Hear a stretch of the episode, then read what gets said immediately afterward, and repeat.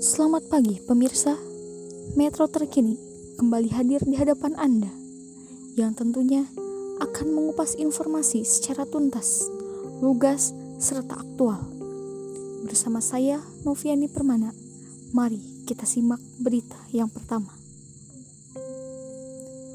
Warga Samarinda sempat digegerkan oleh penemuan jenazah balita berusia 4 tahun dalam keadaan tewas mengenaskan, yakni tanpa kepala dan organ dalam yang hilang. Di saluran drainase Jalan Pangeran Antasari II, Teluk Lerong Ili, Samarinda, Kalimantan Timur. Setelah dilakukan penyelidikan, ternyata jenazah tersebut adalah seorang balita berinisial YF yang dikabarkan telah hilang sejak tanggal 22 November 2019.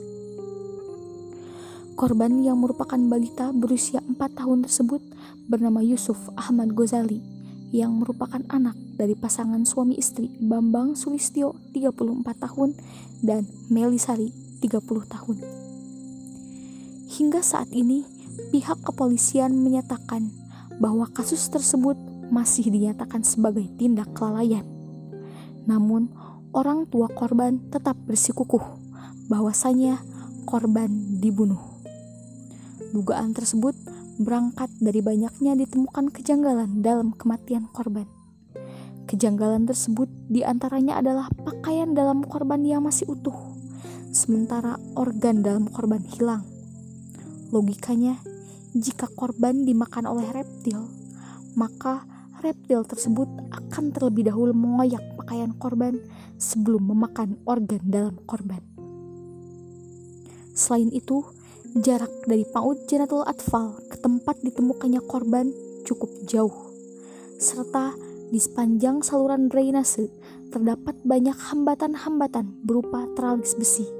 Maka mustahil jika tubuh korban dapat melintasi teralis besi tersebut, mengingat ukuran dari teralis besi tersebut kecil. Hingga saat ini, kasus tersebut masih terus diusut oleh petugas kepolisian. Namun dugaan sementara masih sama. Kasus ini termasuk ke dalam tindak kelalaian dari guru FAUD itu sendiri. Karena belum ditemukannya bukti-bukti otentik terkait pembunuhan korban.